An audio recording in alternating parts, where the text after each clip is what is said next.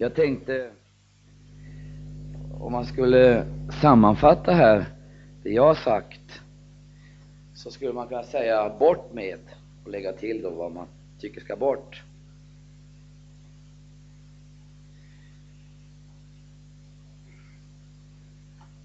Och eh, när jag säger det här nu så gör jag det med risken att det kommer att bli gensägelse. Jag sammanfattar i några få paroller det jag har sagt.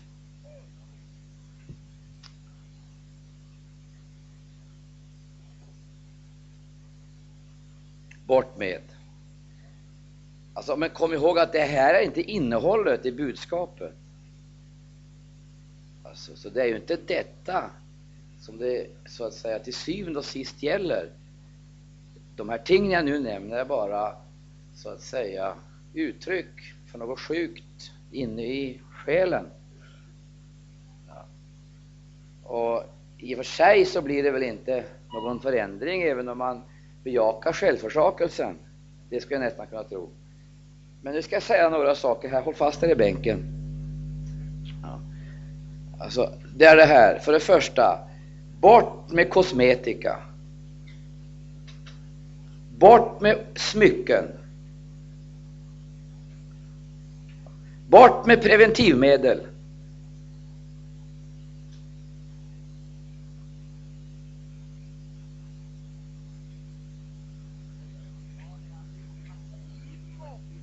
Vad långa ni blir i ansiktet.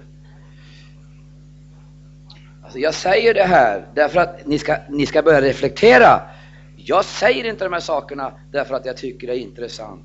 Det är frågan om kamp emot ting som utgör ett hot för människors normala liv. Och det är civilisationens fruktansvärda avigsidor att ha skaffat de tekniska hjälpmedel som samtidigt dödar livet. Och då kommer en hel massa frågor in i bilden här som vi naturligtvis vanligtvis inte talar om. Som jag nämner, det finns vägar och jag är frestad att gå in på det, men jag ska inte göra det här nu. Det är, det, fast jag, jag, jag säger det här, bort med kosmetika, bort med alla de här sakerna, bort med smycken, bort med de här tingen, bort med det.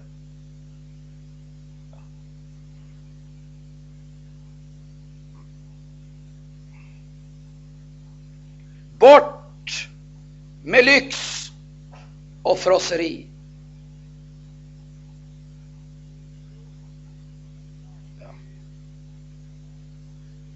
Det anstår icke Guds folk att leva i materiellt överflöd.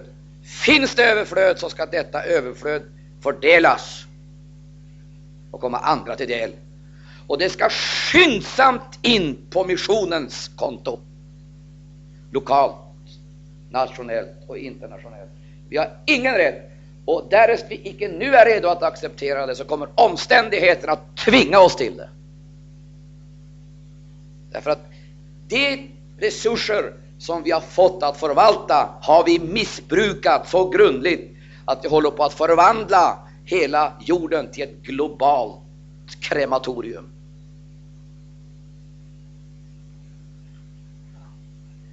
Och om nu världen väljer att gå sin väg så ska inte vi följa med.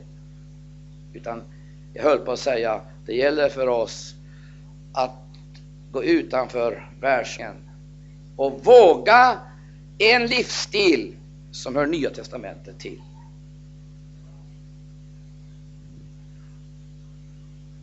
Då blir det kamp och strid, men då blir det härligt, det kan du skriva upp. Då får man veta att man lever och då får man också lust att leva. Det finns andra saker här som jag skulle vilja gå in på. Och nu ska jag säga, jag ska säga en sak. Kom ihåg att det som sägs här i Malmköpingsveckan i första hand icke, jag, jag säger faktiskt i första hand, icke gäller de människor som är här. För vi som är här tillsammans, vi föder fram ett budskap. Så det är inte jag som bär fram budskapet, utan vi bär tillsammans fram ett budskap på denna plattform som Herren har gett oss. Men detta budskap det kommer att dra ut över hela landet i alla sammanhang. På kassetter, i tidningen eh, i, eh, eh, och på andra sätt kommer det att bäras ut. Så vår uppgift, det är icke bara att komma hit och känna uppbyggelse, vara glad åt det vackra vädret eller deprimerad när det regnar eller sitta och klappa händerna bara. Det hör med till fördelarna när vi kommer hit, så kommer vi in i den här livsrytmen. Och därför när vi ska angripa de här problemen ska vi göra det sant och riktigt utifrån Guds eget ord. Pris Gud. Det var en människa som talade om renhet här häromkvällen för mig. Och jag, jag, jag, jag, blev nästan chockerad när hon sa renhet, därför att hela hennes yttre vittnade om att under några år har hon så blivit till den milda grad förvärldsligad så han förvandlat till oigenkännlighet. Hon hade sett något hos någon annan. Men här måste Gud hjälpa oss, så vi förstår att det vi säger här, det måste tränga sig ner i vårt hjärta och förvandla oss inifrån.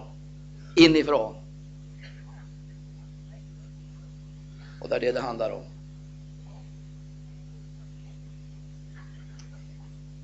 Vi ska tacka Jesus nu. Jag tror inte att bönebruset kommer att bli så våldsamt här, eller tacksägelse så våldsamt, när jag säger amen här om en stund. Därför att jag kommer att säga saker och ting som är verkligen chockerande för våra öron. Därför att vi har nämligen, vi har eh, indoktrinerats så till den milda grad av massmedia och anammat detta därför att kristna auktoriteter liksom har legaliserat det för oss. De har hjälpt oss liksom att göra livet förljuget och skrymtaktigt. Och istället för att leva eh, äkta kristendom och leva ut sann kristendom så har vi accepterat en modern livsfilosofi som är så genomträngda lögn och människoförakt och livsförakt så att den förvisso hör en helt annan sfär till än den kristna församlingen. Vi ska be till Gud här nu att vi får tala om de här sakerna på ett sådant sätt att det kan bli till hjälp. Jag upplever själv att det här är ett oerhört övningsarbete, emotionellt, intellektuellt. Och hela vår personlighet måste beröras. Vi får tränga ner i vår vilja och åstadkomma resultat. Pris Gud. Är det någon som känner behov av förbön eller vill be till Gud? Att Herren ska hjälpa oss. Halleluja. Vi lever falskt om vi betonar lustmomentet i tillvaron. Vi är kallat till kamp och till självförsakelse.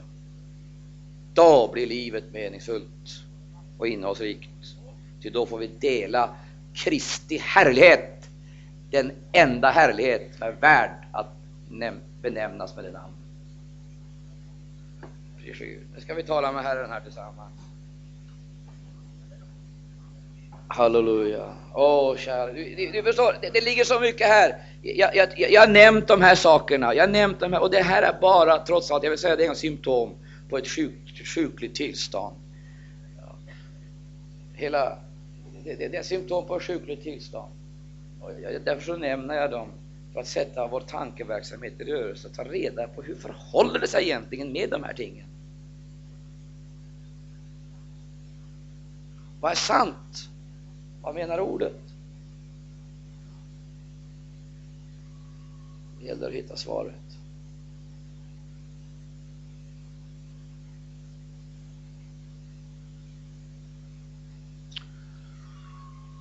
Kära Herre Jesus.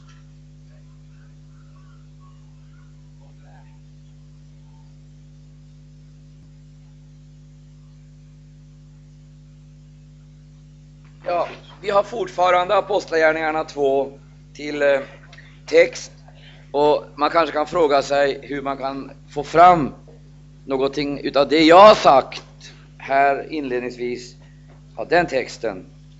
Men ett faktum är att allt sammans detta, det finns med i de här orden, i det här ordet. Det är ett faktum. Och vi har fortfarande då Apostlagärningarna 2 till text och för er som har kommit till senare vill jag rekommendera er att läsa konferensekot. Även om det kanske inte är alldeles, täcker allting. Det var ingenting i konferensekot exempelvis om det jag nyss har sagt här. Det teg man med och det kanske var förståeligt för det är, lite svårt, det är svårt att eh, skriva om de här sakerna. Det är känsligt. Men ni får gärna skriva om det i konferensekot också, vad som har sagts i de här frågorna. Eh, nu, nu ska jag här idag en liten, liten stund bara peka tillbaka på det vi har talat om här. Vi har, vi har ju sagt att eh, Apostlagärningarna 2 kan indelas i tre delar. Det är karismatisk, det är teologisk, teologisk och så är det tre, en eh, social,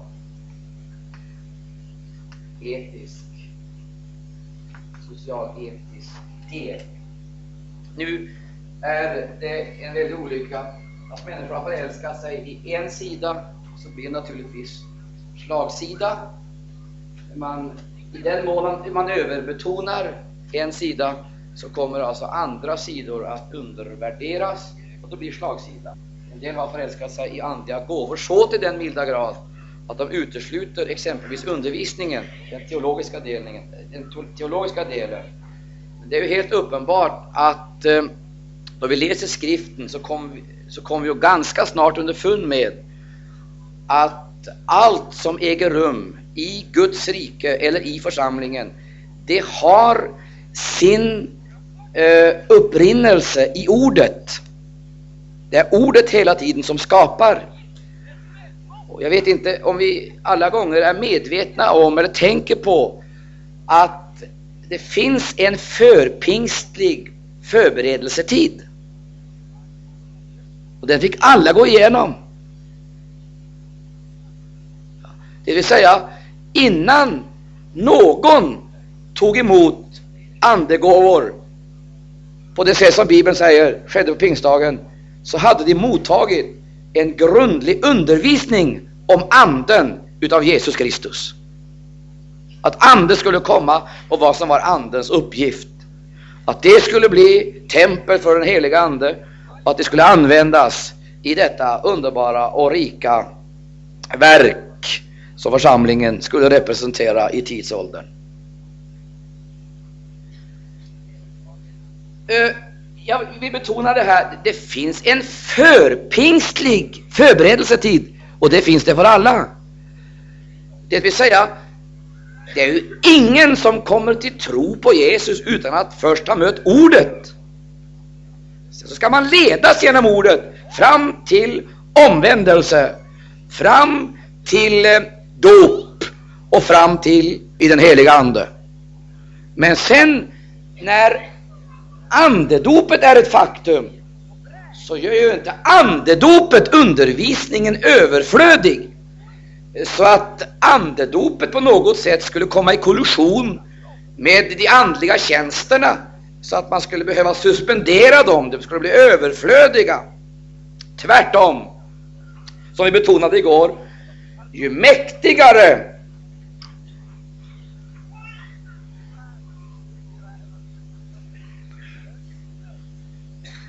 ju mäktigare de andliga, den heliga Andes manifestationer är, ju nödvändigare är undervisningen. Ju nödvändigare undervisning. Och därför så lägger vi märke till att det var den gycklande skaran som ställde frågan vad är detta? Vad kan detta betyda? Det är ju fulla av sött vin och så vidare. Det var ju den skaran som undervisades genom detta som skedde. Det heter, då trädde Petrus fram jämte de elva, hov upp sin röst och sade, vi säger, här möter vi denna underbara enhet. Anden leder människorna till ordet, till ordet är Jesus.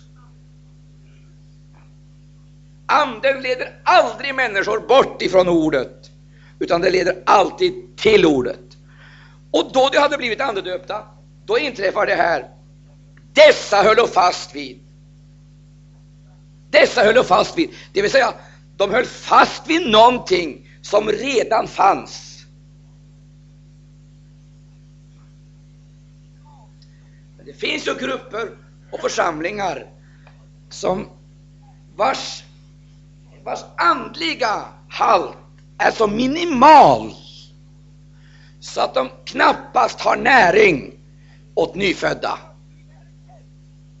Och det är ju nästan omöjligt att tänka sig att de skulle kunna ha stadig kost åt äldre så att de skulle kunna utvecklas. Utan, och, och det, är detta som är, det är detta som är den stora olyckan. Och många av de här grupperna, de har gjort den här erfarenheten. De har fått gåvor. Och då menar de att då har de liksom fått auktoritet och blivit så suveräna som du är, så, så de är praktiskt taget är oberoende både av ledning och korrigering och undervisning. Det är ju precis raka motsatsen.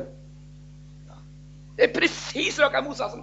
Vad, vad vi i den här tiden behöver mer än någonting annat, det är bibliocentrisk undervisning. Kristuscentrerad undervisning. Och jag ska säga er en sak.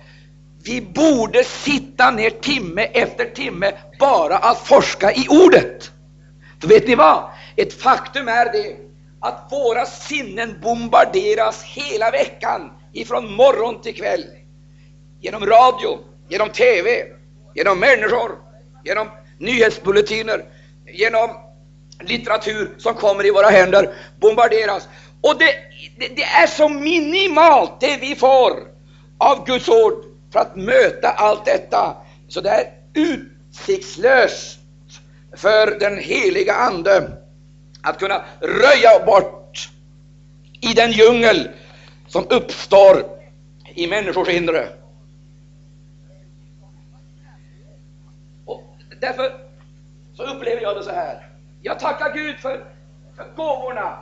Men vad, vad, vad ni unga behöver vara det är att sitta ner och läsa Bibeln, jag höll på att säga dag efter dag och vecka efter vecka för att bli fylld med Guds eget ord. Då kommer ni att ha ett inneboende övertryck. Ett inneboende övertryck som kommer att hålla världen och världens krafter utanför. Men saknas detta, då kommer det att finnas ett undertryck. Och detta kommer att utfyllas med alla andra ting.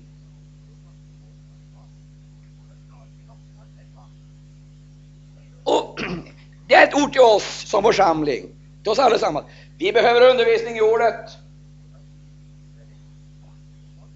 Och då, då måste det bli klart för oss att ordet, det gör absoluta anspråk på uppmärksamhet och på lydnad. Jag ska säga er, mina vänner, det finns små diskussionsmarginaler här. Väldigt små. Det finns väldigt små diskussionsmarginaler. Gud är icke intresserad av någon dialog.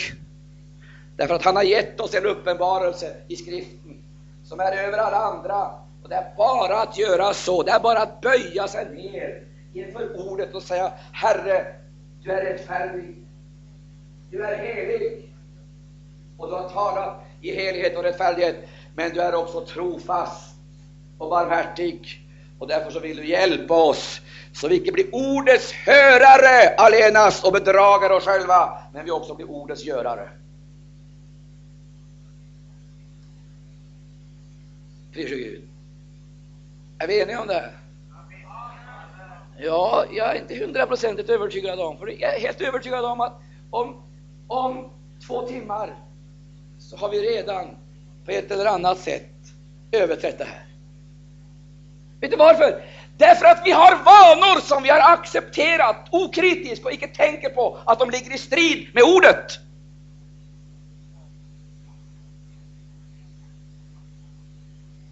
Vi har skaffat oss vanor som är fullständigt i strid med Guds eget ord.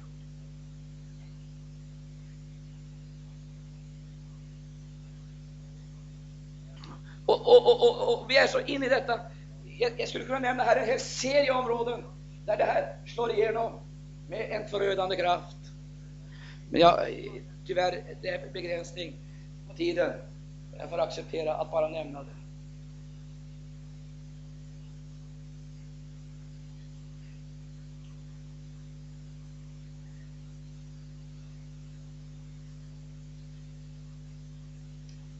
Trädde Petrus fram jämte de elva. Då fanns det en bärvåg, en plattform, uppbyggd utav lovprisning och tillbedjan. En rätt atmosfär som gav genomslagskraft åt orden. Så den heliga Andes närvaro plockade upp tankarna som publiken hade och tog tag i deras tankar och gav dem precis det budskap de behövde för att få frågorna besvarade. Herren vet vad du tänker människa. Han vet det innan du har sagt ett enda ord, så vet han vad det är som håller på i din hjärna.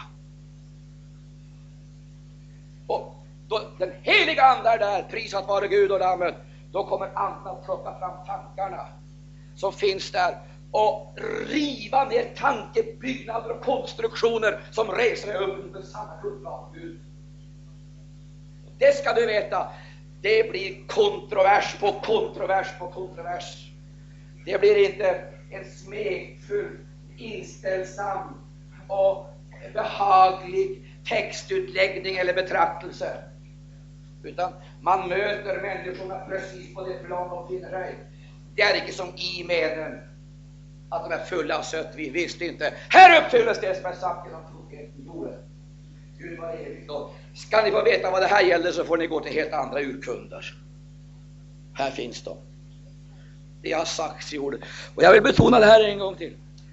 Jag vill betona det här starkt. Därför att Gud vill lära oss det här på ett speciellt sätt. Det gäller oss alla. Det är vi! Då trädde Petrus fram jämte elva och upp sin röst. De trädde fram då tillbedjan har skapat atmosfär. Frågor och, och, och atmosfären hade väckt nyfikenhet, förundran, förvåning. Då hade upp sin röst, talade. Och sa.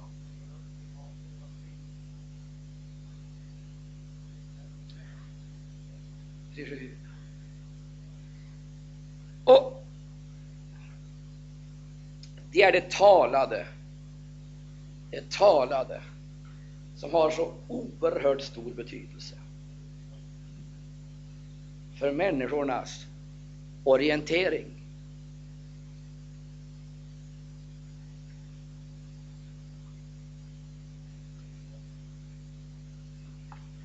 Där det talade.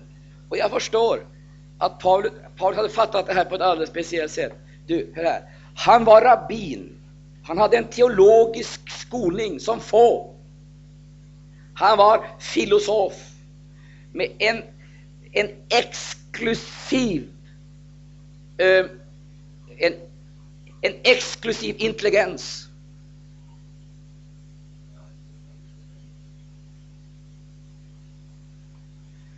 Men då han skulle förmedla budskapet så kände han sig som en hjälplös krake. Och han förödmjukade sig så våldsamt så han överlämnade sig åt församlingen genom att vädja till församlingen om förböner. Du ska veta, han kunde sätta upp en disposition. Han kunde hålla en teolo ett teologiskt föredrag. Han kunde hålla en betraktelse.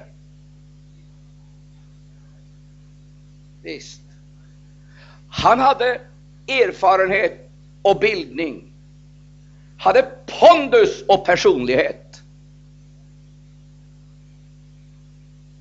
Han var utrustad som få, men då han skulle förmedla korsets budskap, då kände han sig hjälplös och famlande. Jag säger hjälplös och famlande. Understundom. Och det kan låta oerhört att säga om en, en, en sån sak om Paulus. Men då han talar om sig själv, då berättar han eh, på vissa platser i Nya Testamentet om hur han själv upplevde sig och sitt, sin verk. Sitt, vet du vad han säger? Vet du han säger? Du, han kände sig som ett embryo ja, inför uppgiften. Han säger så här.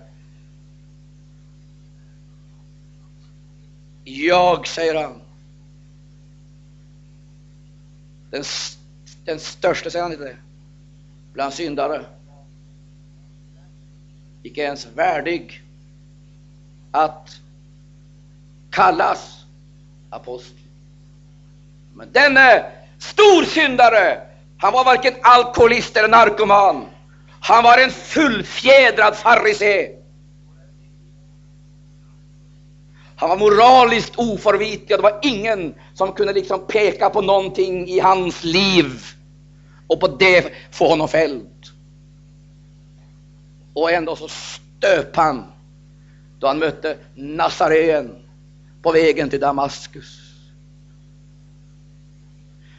Och då blev den egenrättfärdige Saulus den orättfärdige, hjälplöse som ropade Vem är du som jag förföljer? Jag är Jesus. Eh, alltså, å, å ena sidan sett så jämför han sig med syndarna, då är han prototypen, den största av syndare.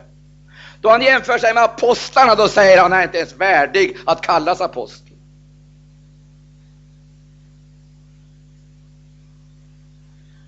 Och då han talar om sig själv, så skriver han i några av breven, vi ska läsa några versar som vittnar om hur oerhört hjälplös han kände sig under stundom. Vi måste läsa det där, det är väl i Andra Korinthierbrevet, där han talar om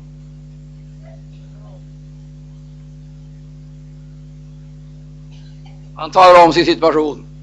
Lyssna här. Detta är en apostel som vittnar.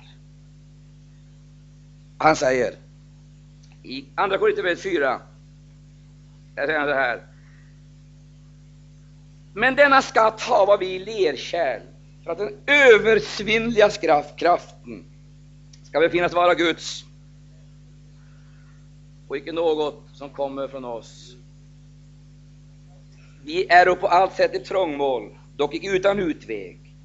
Vi är rådvilla, dock icke rådlösa. Vi är förföljda, dock icke givna till spillo. Vi är slagna till marken, dock icke förlorade. Alltid bära vi Jesu dödsmärken på vår kropp, för att också Jesu liv ska bli uppenbarat i vår kropp.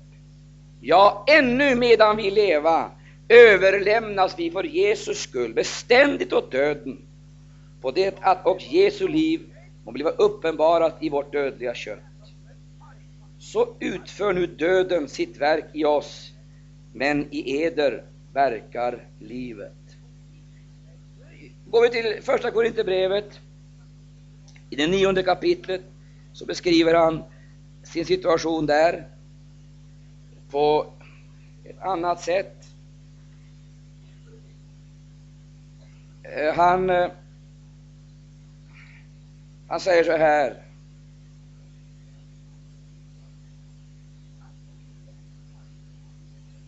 Han säger i eh,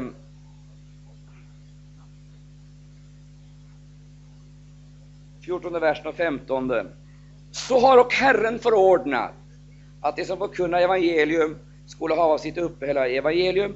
Men, så kommer det, men jag för min del har icke gjort bruk av någon sådan förmån. Detta skriver jag nu icke för att jag själv ska få någon sådan, långt hellre vill jag dö. Nej, ingen ska göra min berömmelse om intet. Ty om jag förkunnar evangelium, så är detta ingen berömmelse för mig. Jag måste ju så göra, och ve mig om jag icke förkunnar evangelium. Gör jag det av egen drift, så har jag rätt till lön. Men då jag icke gör det av egen drift, så är det en syssla som jag betrodd mig allenast en livegen förvaltares. Vilken är alltså min lön? Jo, just den att när jag förkunnar evangelium så gör jag detta utan kostnad för någon. I det att jag avstår från att göra bruk av den rättighet jag har såsom förkunnare av evangelium. Och så kommer vi till, en, till, till det följande som, som vittnar om hur, hur en människa kan, upp, kan förvandlas så att hon blir, blir, blir rörlig och formbar och användbar under de bedrövligaste omständigheter och förhållanden, men ändå blir formbar och användbar i praktiskt taget alla sammanhang, överallt. Oberoende av vilken publik han hade, vilka människor han eh, talade till, så säger han så här. Till fastän jag är fri och oberoende av alla, har jag gjort mig till allas tjänare för att jag ska vinna dess fler. För judarna har jag blivit såsom en jude. Och för, för att kunna vinna judar. För dem som står under lagen har jag som själv icke står under lagen blivit såsom stod jag under lagen. För att kunna vinna dem som står under lagen. För dem som är utan lag har jag som icke är utan Guds lag, men är i Kristi lag blivit såsom jag vore utan lag för att jag ska vinna dem som är utan lag. För de svaga har jag blivit svag, för att kunna vinna de För alla har jag blivit allt, för att jag i alla händelser ska frälsa några. Du, hör här. Här har du paradoxen. Lyssna. Totalt oberoende och ändå totalt beroende.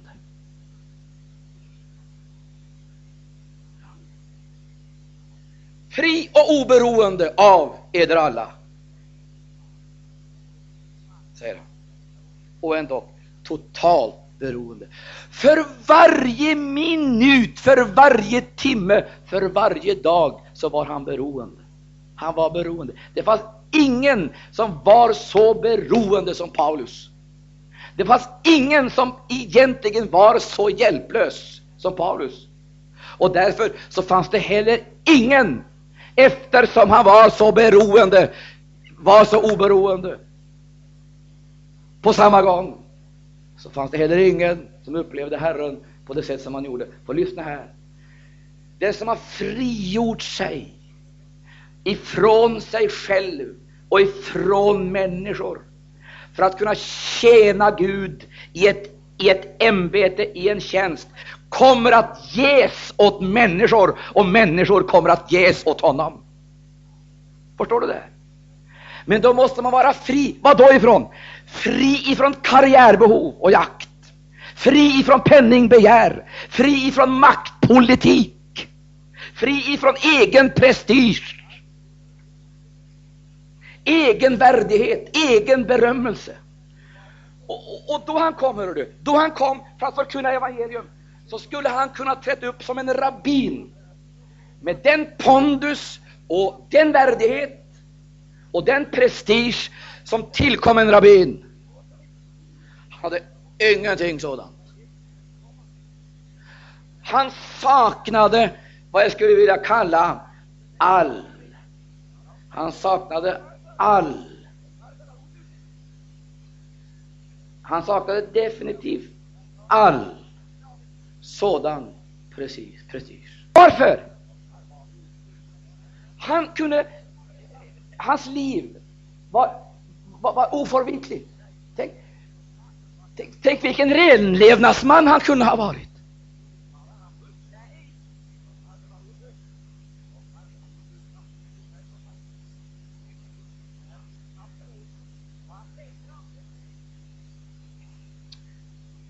Men Paulus, men vad har du gjort av din bildning, Paulus?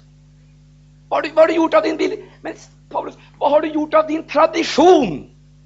Men du vet väl, du vet väl, du vet väl vilken bildning du har? Du vet väl vilken, vilken grupp du tillhör? Du vet väl vilken värdighet du, du har fått? Vet du, allt sammans betraktade han som ett avskräde. Avskräde. Och han säger i Filipperbrevet, vi, vi, vi, ska, vi, ska, vi, ska, vi ska röra vidare. det i Filipperbrevet.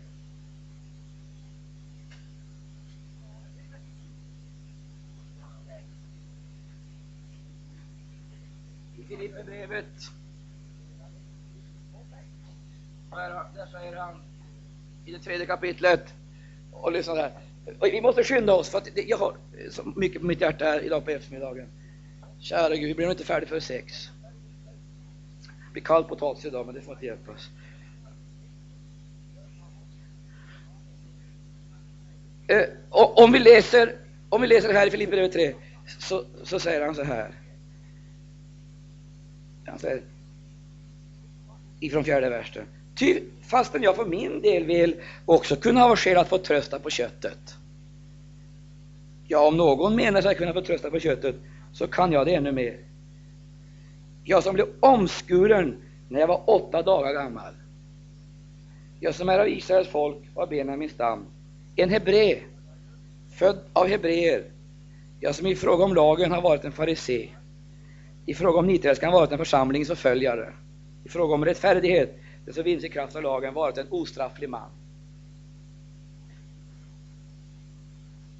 Detta måste jag gett mannen en position. Det var ingen dussinmänniska.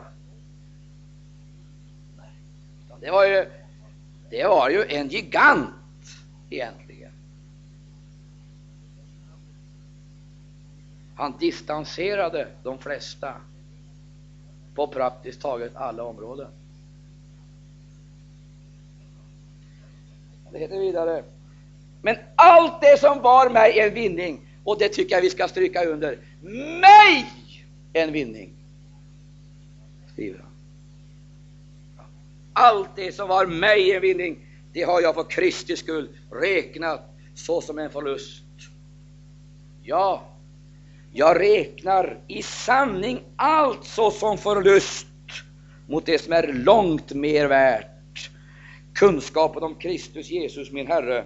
Ty det är för hans skull som jag har gått förlust i alltsammans och nu räknar det såsom avskrede på det att jag må vinna Kristus och bli vunnen i honom, icke med egen rättfärdighet, det som kommer av lag, utan med den rättfärdighet som kommer genom tro på Kristus, rättfärdigheten av Gud på grund av tro.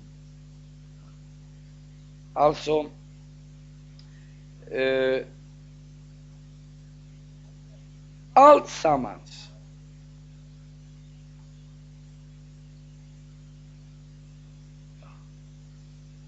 Gått förlust i allt sammans.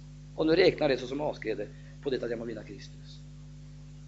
Med andra ord, det fanns ingen utbildning, det fanns absolut ingen utbildning som man skulle kunna hänvisa till, referera till, legitimera sig med som skulle kvalificera honom för uppgifter i Guds rike. För att börja tjäna Gud så måste han börja på det totala nollplanet. Måste fullständigt nollställas.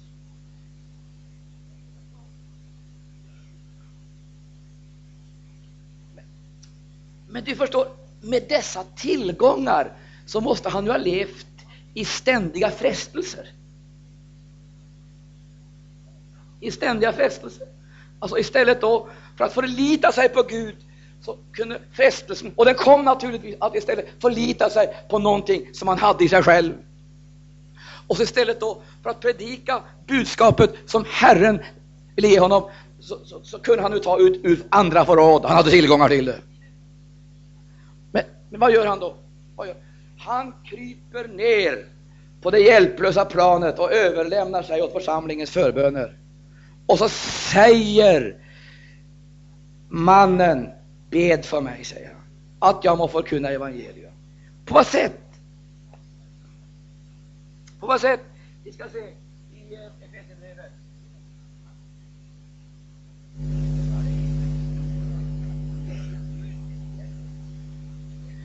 Efesierbrevet 6. Gode Gud. Gode Gud. Gode Gud, han hade sett Jesus. Han hade mött Jesus och upplevt att allt det han hade dragit på sig under många års bildning vid olika teologiska skolor, det var ingenting annat än avskräde. Du förstår, i jämförelse med världen så står det sig nog bra, men i jämförelse med Jesus är det ingenting. Och låt oss se här, han säger, lyssna här vad han säger för någonting. I det sjätte kapitlet, Efesierbrevet 6. Där säger han så här. I eh, den 18 versen. Gör en detta, alltså ta på er hela vapenrustningen. Gör en detta under ständig åkallan och bön. Så att i allt jämt bedjen i anden och för den skull vaken under ständig uthållighet och ständig bön för alla de heliga. Det är vårt stående bönämne. Men så kommer det. Bedjen och för mig att min mun må upplåtas och att det jag ska tala må bliva mig givet så att jag frimodigt kungör evangeli hemlighet. Bedjen och för mig att min mun må upplåtas. Gode Gud, då är man bra hjälplös. När man upp, har en känsla av att man vet inte ens om man vågar, man kan tala. Utan man behöver nådesyskonens förbön. Och eh, så att jag ska tala om att bliva mig givet, så att jag frimodigt kungör evangeliet hemlighet. Eh, för vars skull jag, har, jag är ett sändebud i kedjor, jag bedjer att jag må frimodigt tala därom med de rätta orden. Be att min mun må upplåtas, att jag må tala med de rätta orden. Gode Han visste det, att det räckte icke med att tankarna var inspirerade. Orden måste också vara inspirerade. Så det blev de rätta orden för den rätta situationen. Ord med rätt valör, ord med rätt kraft. Och med rätt verkan.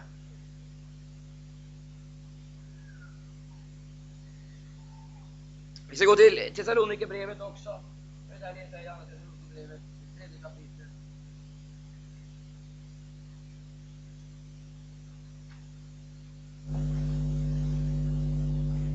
Ja, Thessalonikerbrevet 3, det säger den första versen. För övrigt, kära bröder, bedjen för oss att Herrens ord må hava framgång och komma att lära hos andra, lika som hos eder. Prise Gud. Nu kanske ni börjar ana och förstå en liten del av det jag sagt här gång efter annan i den här konferensen. Predikanterna måste avväpnas om Gud ska kunna använda dem. De måste fullständigt avväpnas, för det första, sin egen prestige. De måste avväpnas, jag höll på att säga sin bildning. Om de har någon. De måste avväpnas, fullständigt avväpnas. Eh, förankringen till en tradition. Gud i himlen. Och hör här, de måste berövas alla former av falsk trygghet. De måste komma in i den situationen. Lyssna på vad jag säger att de ständigt, oupphörligt, dagligen känner sig som ett villebråd, jagade. Men jagade in i Jesu armar. Det, här ligger själva grundproblemet, är jag helt övertygad om. Ty den dagen vi blir, li, vi, vi, vi, blir, vi blir beroende av Gud, så ska vi uppleva att Herren kommer att mäta alla behov. Men vi behöver inte Herrens hjälp därför att vi har så kolossalt många försäkringar och försänkningar utanför Gud.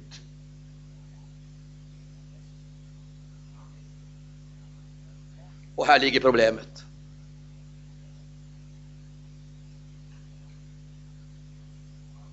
Och jag säger en gång till. Bästa sättet att få andesmorda vittnen är att först avväpna dem avväpna dem deras bildning så de börjar och, bli osäkra.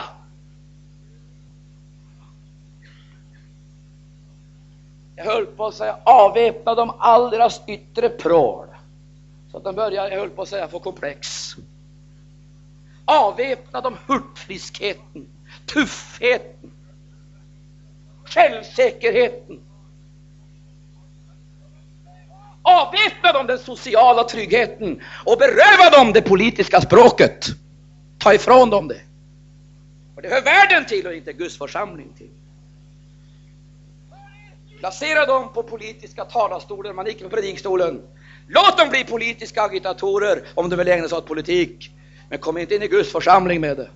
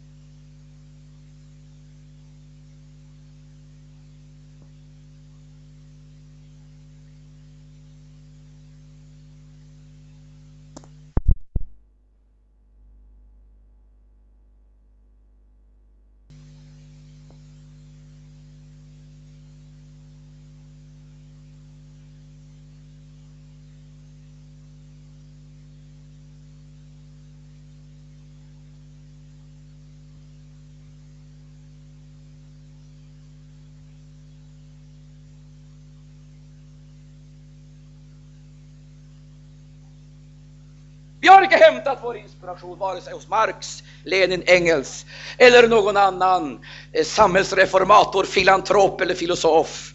Vi vill ha Jesu budskap ofiltrerat! Gud. Och vi vill ha det utan supplement. Därför säger jag en gång till, avväpna dem. Avväpna dem, deras stolthet, deras sociala trygghet. Ta ifrån dem, jag höll på att säga löner. Ta ifrån dem allt vad de äger. Beröva dem allting. Det är det första steget fram till andeuppfyllelse. Vad du, skulle den sociala otryggheten vara ett idealtillstånd? För Herrens vittnen är ett idealtillstånd. Oh, att avsluta dagen utan att veta om man lever imorgon. Därför att man är förföljd. Därför att det saknas kanske både det ena och det andra. Men känna det att man är buren av änglar. Åh, frukta icke Paulus. Alla som är på farkosten här har jag givit åt dig. Prisat vare Herrens underbara namn. Frukta icke Paulus, du ska få allesammans. Frukta icke Paulus, farkosten den går förlorad men allesammans ska räddas och det är för din skull.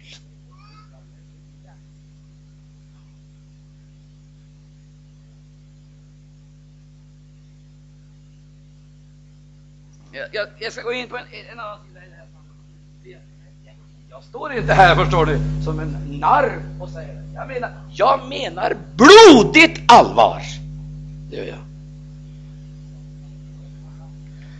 Fullständigt. Och jag säger inte det här därför att jag har något som helst aggressioner emot människor som har det bra. Men jag säger det därför att jag vet att den falska trygghet som man nu så att säga gömmer sig bakom är ett hinder för Gud. Och, och, och alternativet har icke förändrats. Det heter, det heter, de stod upp lämnade allt och följde Jesus. Och vad var det för någonting? Dina lämnade allt och det fanns ingenting, det fanns ingenting kvar. Men jag ska beröra en sak till här. Som, som jag finner så oerhört viktig. Jag, jag säger det, avväpna vittnena. Allt detta.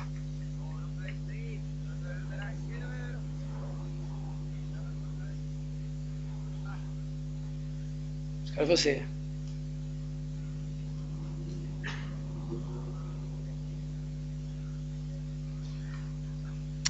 Gode Gud. Det är ju vidrigt när man kommer till eh, kyrkan så hör man olika teologer tala.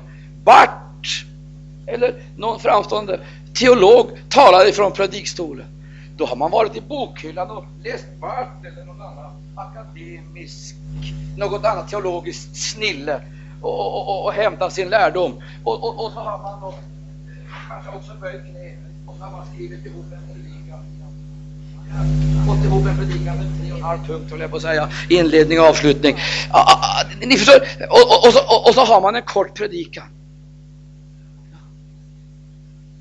På ett aktuellt ämne. Och nu ska ju alla predikanter som överhuvudtaget har någon självaktning, de ska naturligtvis vara socialt medvetna. Så de ska ta upp alla sociala problem, alla psykologiska problem. De ska djupdyka i alla psykologiska, och sociala problem som finns i samhället. Och ju mer de håller på med det, ju, ju bedrövligare blir det med människorna.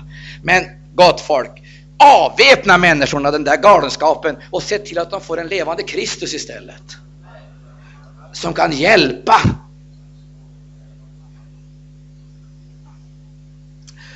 Och vi, vi, vi ska se här. Frestelsen som Paulus hade, det var naturligtvis att han, han hade resurser, han hade förråd och möjligheter att eh, förfina budskapet. Och hör här, lyssna nu vad jag säger. Det finns icke en enda människa som är opåverkad av miljön. Icke en. Det finns icke en enda människa som är opåverkad av miljön. Det är ett faktum. Kommer du in i en ljum miljö så blir du successivt ljum. Kommer du in i en brinnande miljö så blir du Eh, då blir du tänd till att bli en brinnande kristen. Kommer du in i en sekulariserad miljö så frestas du att liksom glida in i det här eh, moderna och liksom faller in i den rollen. Du assimileras i den situationen. Det finns icke ett enda vittne som icke påverkas av miljön. Hör du? Det är så att finns det en bönens atmosfär, finns det lovprisning och tillbedjan, jag höll på att säga, då kan vem som överträffa sig själv. Ty då är det icke, då är det, icke det uttänkta eller det utstuderade som kommer fram, utan då är det som är fött i den atmosfären. Det vill säga atmosfären skapar budskapet och ger skärpa åt det. Eller också motsats. Atmosfären reducerar budskapet och avrundar det. Jag, ska ta egna erfarenheter. Jag, jag predikar ibland, en och annan gång, i en sån där ljum atmosfär. Alltså, eller likgiltig atmosfär. Och, och, och, då upplever jag att orden vänder sig i munnen på mig. Det, det passar inte. Det, det, det, finns inga möjligheter. Det, går inte in någonting. Det spelar ingen roll vad man tar sig till med. Man, man, man, kan ta det bästa man överhuvudtaget eh, eh, förfogar över och ingenting passar. Ingenting går in, ingenting hjälper.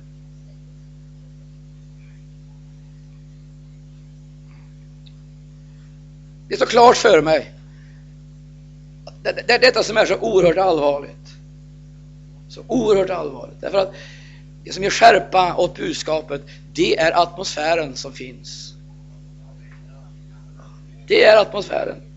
Kommer människor likgiltiga till mötena så kommer detta att prägla gudstjänsten och budskapet. Jag höll på att säga, det kan vara en andesmord predikant som förkunnar ordet, men det har ingen som helst effekt.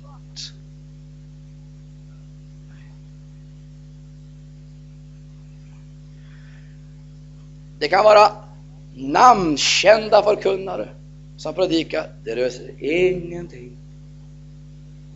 Så kommer man in i den där bönatmosfären, den varma, brinnande miljön. Där kan det enklaste vittne tala det förunderligaste ting och bära fram det mest förunderliga budskap.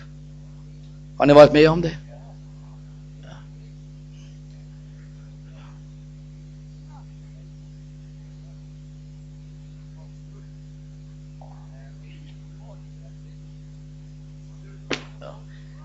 Och därför så frestas vi. Kommer vi in i, kom vi in i den här ena miljön så, så, så, så, så verkas, påverkas vi i den riktningen, kommer vi in i en annan miljö påverkas vi en annan. Och Paulus, han var en i Efesus, en i Aten, en i Korint. Icke ens Paulus undgick att påverkas. Och därför så var det angeläget att vara vaksam. Och jag, jag ska säga vissa saker här som jag gör kanske med viss tveksamhet. Därför att jag är medveten om att jag här nu ger rum för fantasi. Och det må vara tillåtet. Jag ger rum för lite fantasi. Det förefaller som om Paulus hade blivit påverkad utav miljön i Aten exempelvis. I Aten.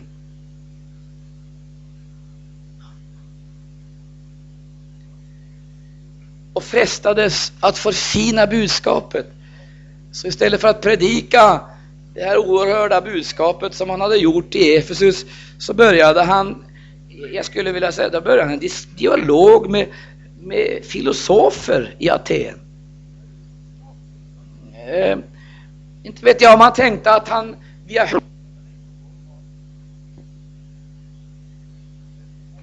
mäktiga och visa har kommit till tro på Gud. De var i sin tur absolut ingenting i sin egen grupp. Så om du tänker dig att du har, eh, att du har folkskiktet nederst nu, då så har du intelligentian eh, eh, en aning ovanför. Så även ibland intelligentian så fanns det ett bottenskikt.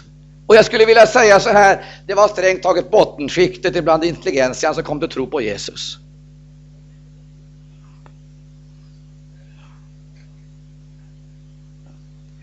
Det är bottenskiktet hela vägen. Men du behöver inte ha något komplex för det. Det, det, det är faktiskt så. Vi, vi ska läsa här i, i Apostlagärningarna.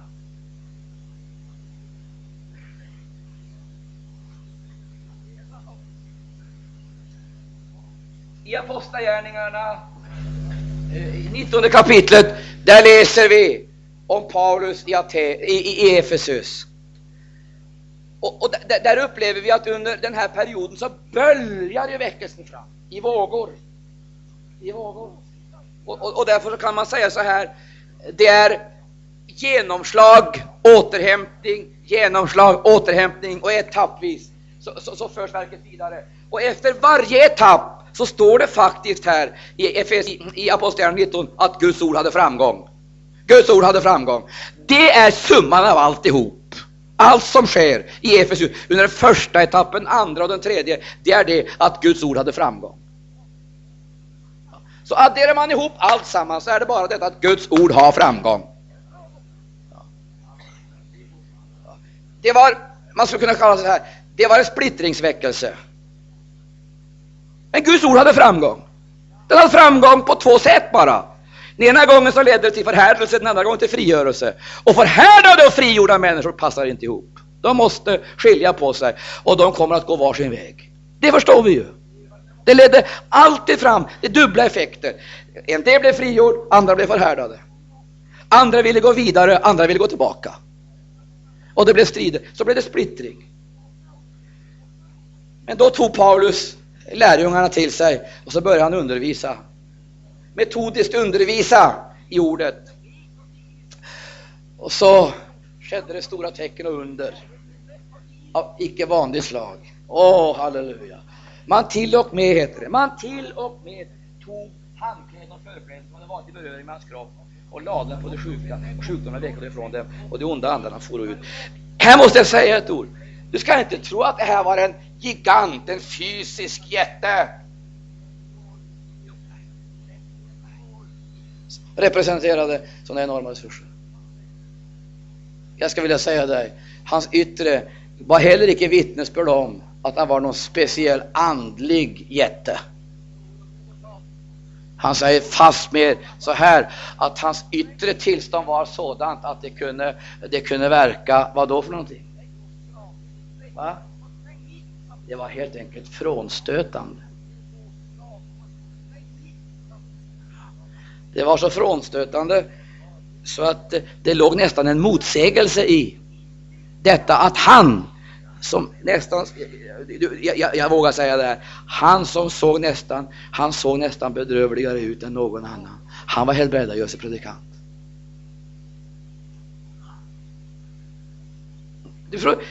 Det vill säga, det, det, det, fanns ingenting i hans yttre eller hans bildning eller hans fysiska kraft, hans muskler eller någonting som kunde vittna om att här, här har vi en kraftnatur, en viljemänniska, en våldsam en som ska kunna uträtta saker och ting.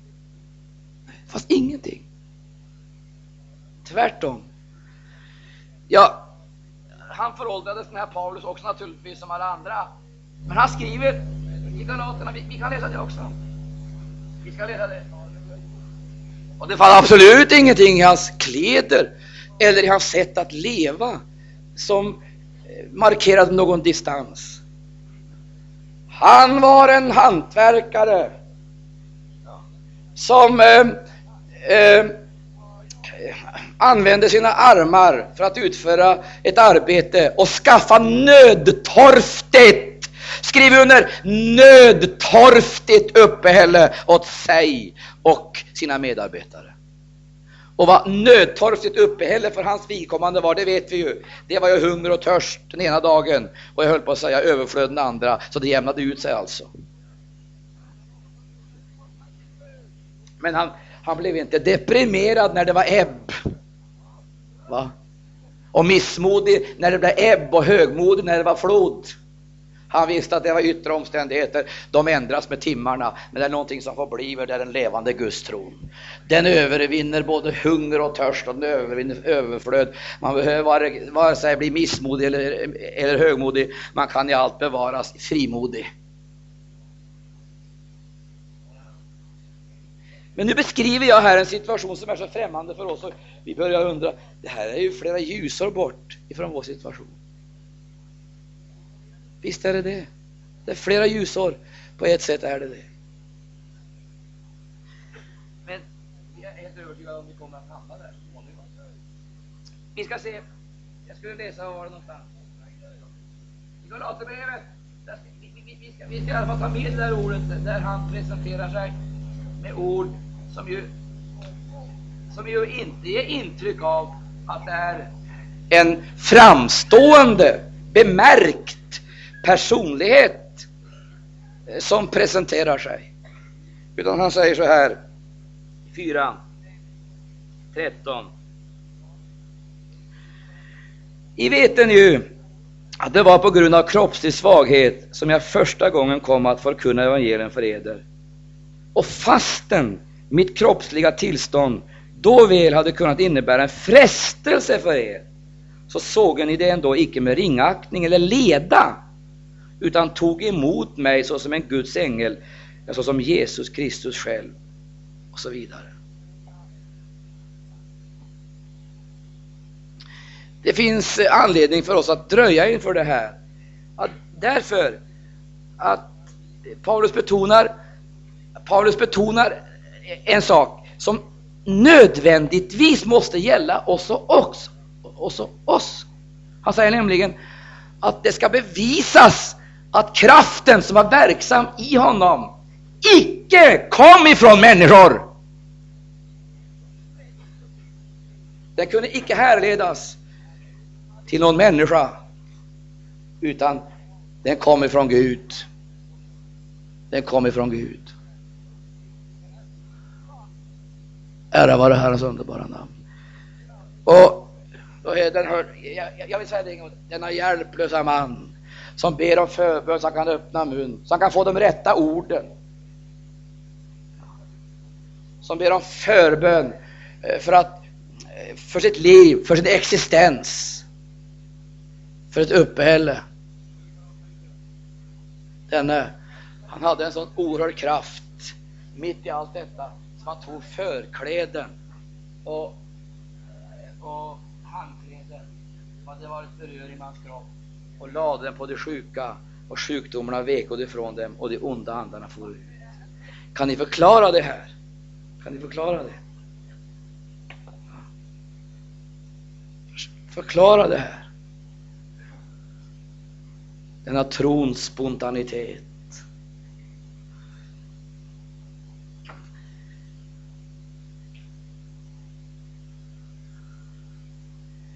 Jag tror den är ensling. Den är särling.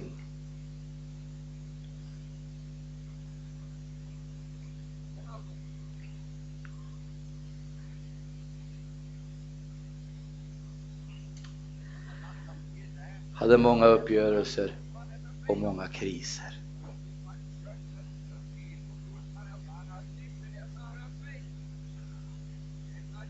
Och det ser ut som att han har haft en sådan kris efter besöket i Aten. Efter besöket i Aten. För han hade varit i Efesus och gjort dessa enorma upplevelser. Så kom han till Aten. Och vad skedde i Aten? Ja, om vi läser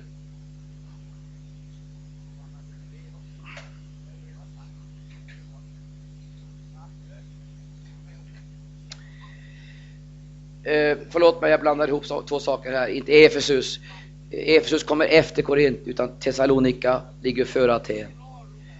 Alltså, vi läser det här också i, i, i det 17 kapitlet. Först Thessalonika, så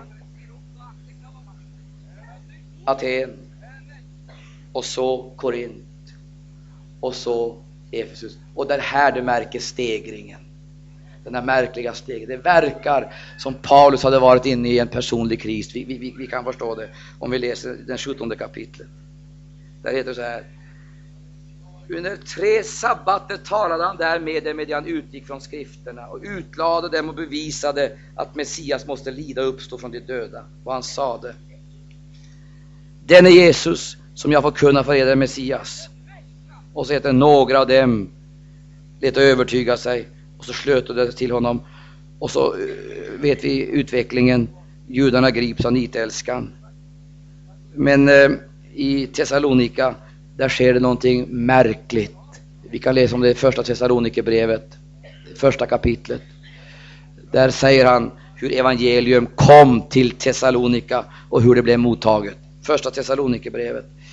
Där kan vi läsa eh, vad han säger. Hur evangelium kom till den här staden och blev mottaget.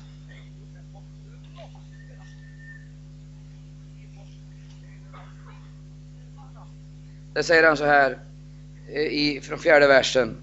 Ty vi veta ju, kära bröder, i Guds älskade, hur det var när de blev en utvalda. Vårt evangelium kom till eder, icke med ord allenast, utan i kraft och helig ande och med full visshet, i veten och på vad sätt vi uppträdde bland eder till edert bästa.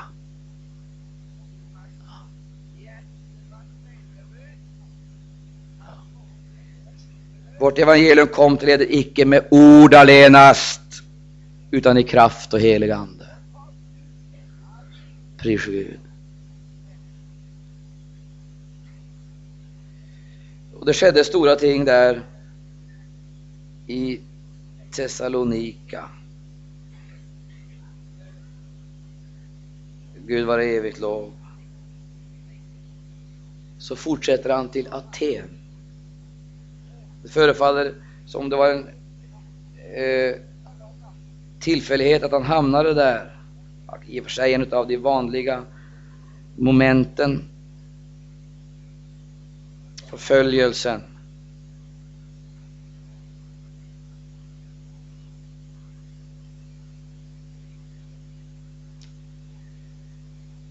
Och i Aten, där stannade han. Och jag, jag vill dröja här en liten stund, låt oss tänka efter. Han kommer dit. Och Där läser vi ifrån den 15 versen, det 17 kapitlet. Som ledsagade Paulus förde honom vidare till Aten och for och så därifrån tillbaka med bud till Silas och Timoteus att dessa med det snaraste skulle komma till honom. Medan Paulus eh, nu väntade på dem i Aten upprördes han i sin ande när han såg hur uppfylld staden var med avgudabilder. Han höll därför i synagogan samtal med judarna och med dem som fruktade Gud, så och på torget var dag med dem som han träffade där. Också några filosofer, dels av epikuréernas skola, dels av stoikernas, eh, gav gåvo sig ords, ordskifte med honom. Somliga sade, vad kan väl denne pratmakare vilja säga? Andra åter, han tyckes vara en förkunnare av främmande gudar. De sade så eftersom han förkunnade evangelium om Jesus och om uppståndelsen. Jag drar inga slutsatser, men det verkar som om Paulus här hade frestats liksom att förfina budskapet eller att anpassa det efter en ny miljö.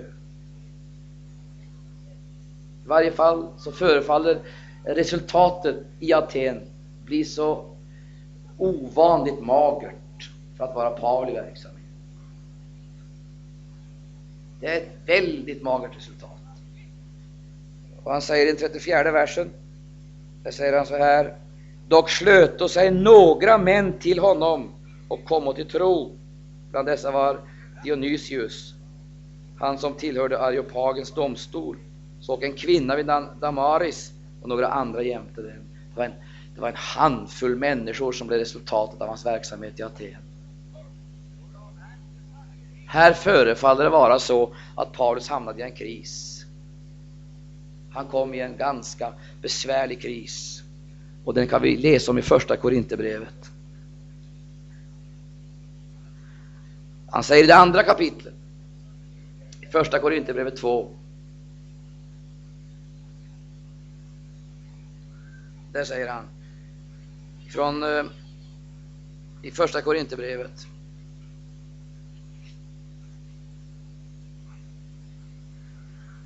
i andra kapitlet, där säger han så När jag kom till eder, mina bröder, var det också icke med höga ord eller hög visdom som jag kom och frambar för eder Guds vittnesbörd. Månne, om det var något av detta som hade frestat honom i Aten. Nu skulle han till Korint. Och då kom han i en kris. Jag skulle nästan kunna tänka mig att han sammanfattade resultatet av insatsen i Aten så började han fundera vad månne det magra resultatet kunde bero på. Så själv kommer han då underfund med, han kommer underfund med att han i realiteten behöver vara med om en förnyelse. Han måste vara med om en förnyelse. Det verkar som om något av skärpan hade gått förlorat något av tonen. Han behövde förnyas. Och jag skjuter in en fråga till oss som är här. Om vi nu börjar att tänka efter, vad är resultatet av vårt arbete? Vad kommer vi då fram till? Hur ska vi förklara det? Kan vi förklara det med att, att, att, att omständigheterna på den här platsen är så annorlunda än där vi har varit tidigare eller där andra är. Eller möjligen kan det bero på att vi frestas till förfining eller anpassning. Eller att vi själva har förlorat skärpan, förlorat tonen. Det är någonting i genomslagskraften som har gått förlorat. Kanske vi, kanske vi utan att vi egentligen har tänkt det så håller på att intellektualisera budskapet. Eller spiritualisera det. Vill säga, det, det, blir, det blir förståndsmässigt visserligen och teoretiskt. Allt detta har vi klart för oss, men det saknas något av uppenbarelsens kraft.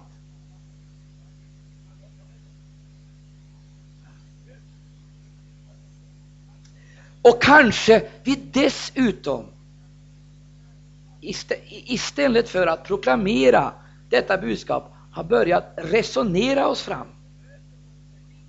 Och fått in andra eh, ämnesområden och argument och intressen som vi livnär, odlar eller vårdar. Jag säger, vad kan det månne bero på när vi ser, jag arbetar här, jag arbetar där.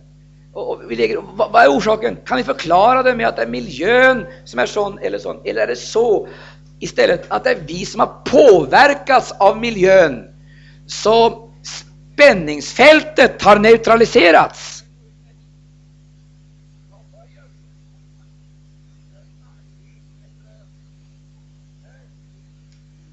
Det finns ingen chockverkan i budskapet längre. För det måste det finnas. För att det spelar ingen roll i vilken miljö vi än kommer med detta budskap, så, så, så, så är det, det är chockerande. Judarna begär tecken, grekerna åstundar visdom, men vi får kunna en korsfäst Kristus. En som för judarna är en dårskap och för grekerna en stödsätt, men som för de troende, för de frälsta, vare sig judar eller greker, är en Guds kraft. Ja, just, vad är orsaken till att, om vi nu försöker se vår egen situation, att vi i det här landet, vi har ju, vi har ju tusentals av, av, av predikanter, av vittnen. Men allt verkar så flackt.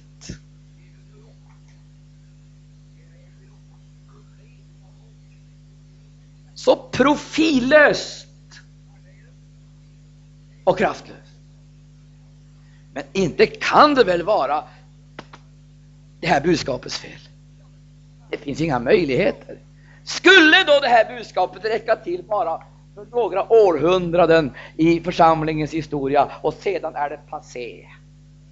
Annat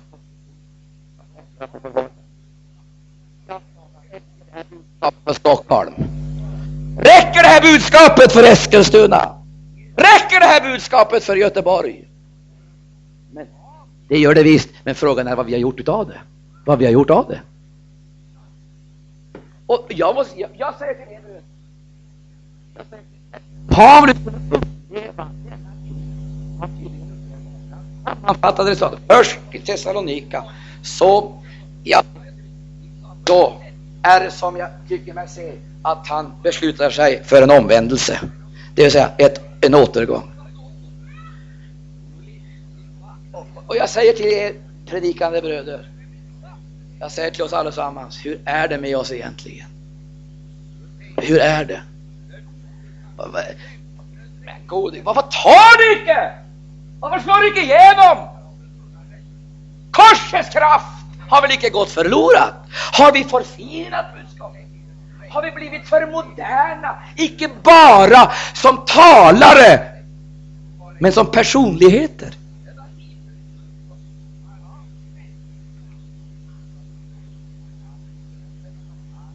Anpassat oss till den moderna livsstilen och börjat vandra på vanligt människosätt? Har vi förlorat de gudomliga kännetecknen? Har de lyckats klippa flätorna av oss? Eller är flätorna invävda i olika, jag höll på att säga, mönster? Vi ska ha inflytande här och vi ska ha inflytande där och vi ska ha inflytande där. Och så vävs flätorna in i den ena bommen efter den andra och där sitter vi. Vad är det? Vi måste, vi måste ju fråga, vad är orsaken till situationen i Göteborg? Vi kan ju inte klaga på göteborgarna. Vad är orsaken till situationen i Stockholm? Vi kan väl inte klaga på stockholmarna. De är och förblir hedningar till dess vi kommer med omvändelsens budskap.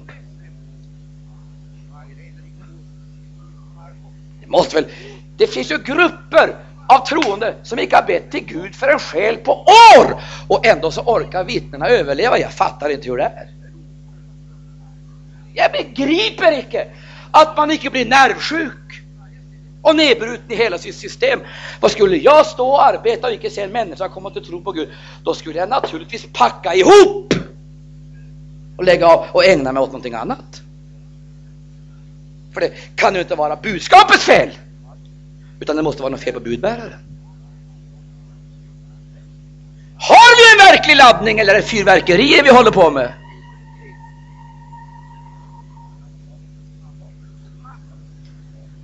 Och ungdom, inte har ni tänkt att ge ert liv för någonting som är som är eh, som är predestinerad för döden.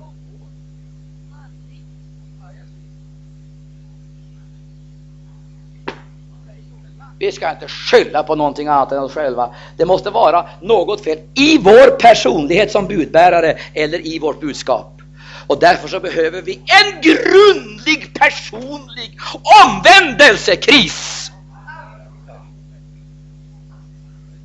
Vi behöver en fruktansvärd omvändelsekris. Och jag säger för min egen del, i Herre Jesu Kristi namn, så går jag under den.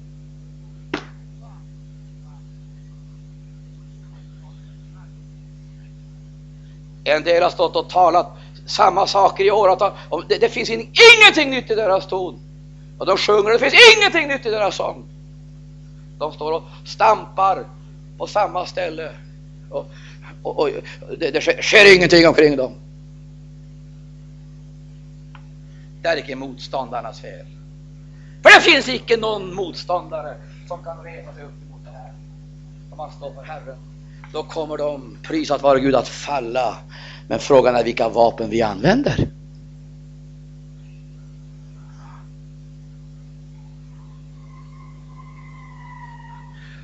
Och när den här situationen kommer, då blir människor förvirrade och vankelmodiga. Då börjar de orientera sig. Då hittar de, eh, de säger, här är en gudfruktig här, säger de. Och här är en gudfruktig där. Och det är gudfruktiga alla läger. Och då hittar de, där, där finns det också gudfruktiga. Ja, men det finns ju gudfruktiga där också. Ja, ja visst, där var också gudfruktiga. Och, och så finns det gudfruktiga där också. Så börjar man flaxa omkring och ska liksom vara med alla gudfruktiga. Vet du vad man gör? Vet du vad man gör för någonting? Man sviker sin uppgift och sin kallelse därför att vi har fått en vision. Icke för att vi skulle gera oss med någonting till höger och vänster, men för att vi skulle bli riktningsbildande, gå i täten och försöka få de andra med oss. Och, och här vill jag säga dig en sak. Jag ska, jag ska säga ett exempel för dig ett exempel. Och du ska lägga märke till, du ska lägga märke till det. De som har varit för länge i de sammanhangen, de har fått sitt budskap förstört. Det har de fått. Och det visste Paulus. Han var med till en tid, men den var kort och begränsad. Och när han märkte att det här reste sig motstånd, då satte han inte igång en diskussion. Då tog han vännerna med sig. Och ibland så var han så frimodig som här då synagogföreståndaren blev frälst och utsparkad ur synagogan. Då blev synagogföreståndarens hus så att säga församlingslokal och den låg bredvid synagogan. Då började han sin verksamhet bredvid synagogan. Det är folk det.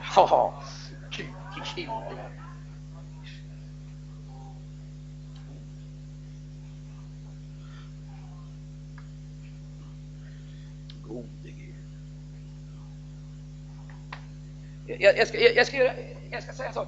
När vi började 1961 i Örebro så var vi ju fullständigt ensamma och det får sägas, det var, det var en väldigt lycklig tid. Den var oerhört lycklig. Vi var isolerade, halleluja, halleluja, halleluja. Tack gode Gud för denna isolering. Att vi inte hade någon som kunde hjälpa oss utan vi var tvungna att krypa fram på knäna. Och Herren hjälpte. Men du ska få höra här min älskade vän. Vi, vi började och, och, och, och då började, då 1963, då handlade det om frigörelse. Från frigörelse, att komma ut ur den religiösa formalismen. Man ville skulle bli frigjord. Och vi, vi sjöng och vi klappade i händerna. Vi tog alla instrument som gick att uppringa därför att vi kände att nu är det nödvändigt att demonstrera att vi är fria. Och vi klappade i händerna. Då förpassade man oss i den religiösa pressen till Afrikas djungler. Man sa det här är en, det här är det här är neo, neohedniska företeelser och, och, och, det hör hemma mera i Afrika. Eh, men på grund utav det är så och så i samhället, sa man, så ser man att nyhedendomen har många uttrycksmedel och därför så blir också Maranata ett uttryck för nyhedendom. Det sa de som nu är med i karismatisk väckelse. Det sa de då. Då handlar det om frigörelse. Du, jag, jag klandrar inte dem för det här i och för sig, men det kan ju vara, vara eh, fullt korrekt att, att, att påminna om det. Så gick det en tid. Då tog man mönstret. Då började man klappa i händerna lite varstans. Då blev det opportunt. Då kunde till och med kyrkoherden klappa i händerna i statskyrkan. Och ännu värre, man kunde se till och med biskopen sitta och klappa i händerna på ekumeniska eh, möten. Och man talade om andliga erfarenheter. Då förstår du, då var det fint att klappa i händerna. När vanliga enkla syndare klappade i händerna, då var det hendom. Men när biskoparna gjorde det i prästrock, då var det kristendom.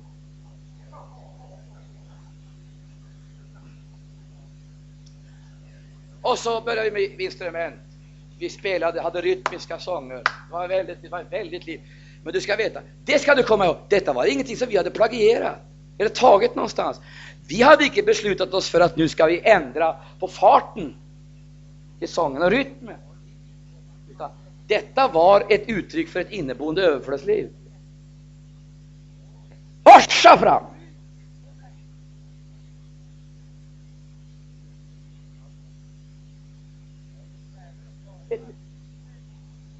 Hade de inte skaffat oss instrument och det blev liksom det uttrycksmedel som då kom till användning. Men hade vi inte haft det, så ska jag säga då hade vi haft trummor av alla slag. Vi hade tamburiner, varenda en, därför att vi kände att det var så oerhört underbart att vara med och demonstrera friheten i Kristus Jesus. Detta. Och, och, och vi klappade i händerna och vi jublade. Sen så började smyga sig på. Då hörde man att de gjorde likadant i Amerika. Oh, då var det en och annan som var i Amerika och sa att de gjorde i Amerika.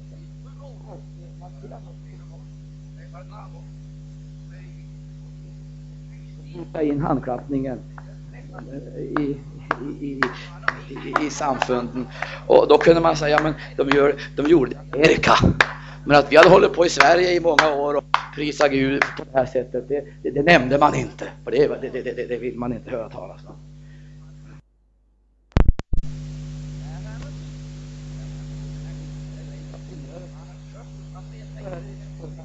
Ut ur lägret! Och för oss var det lika naturligt som någonting annat. Gå ut utanför lägret, för bära smälek, utanför lägret. Det gjorde alla, även de som har krupit tillbaka gjorde det.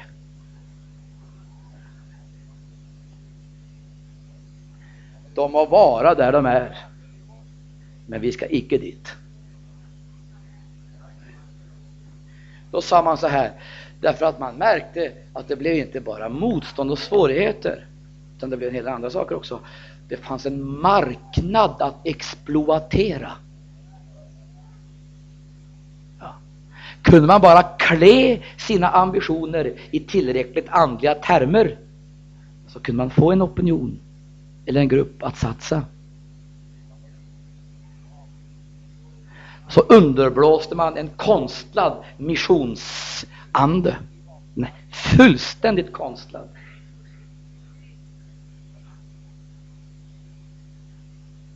Skapades det olika ja, sällskap. Små religiösa kotterier.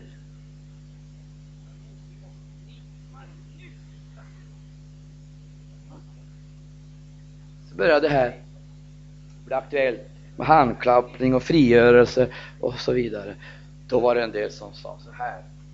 Nu är det så öppet! Nu är det så öppet överallt så nu kan vi bara gå in och predika och alla tar emot oss okritiskt och öppet. Nu sannerligen har väckelsen drabbat samfunden. Det är öppet i Sverige. Och en och annan gick in genom dörren för att konstatera att de hade kommit innanför förslös dörren bakom.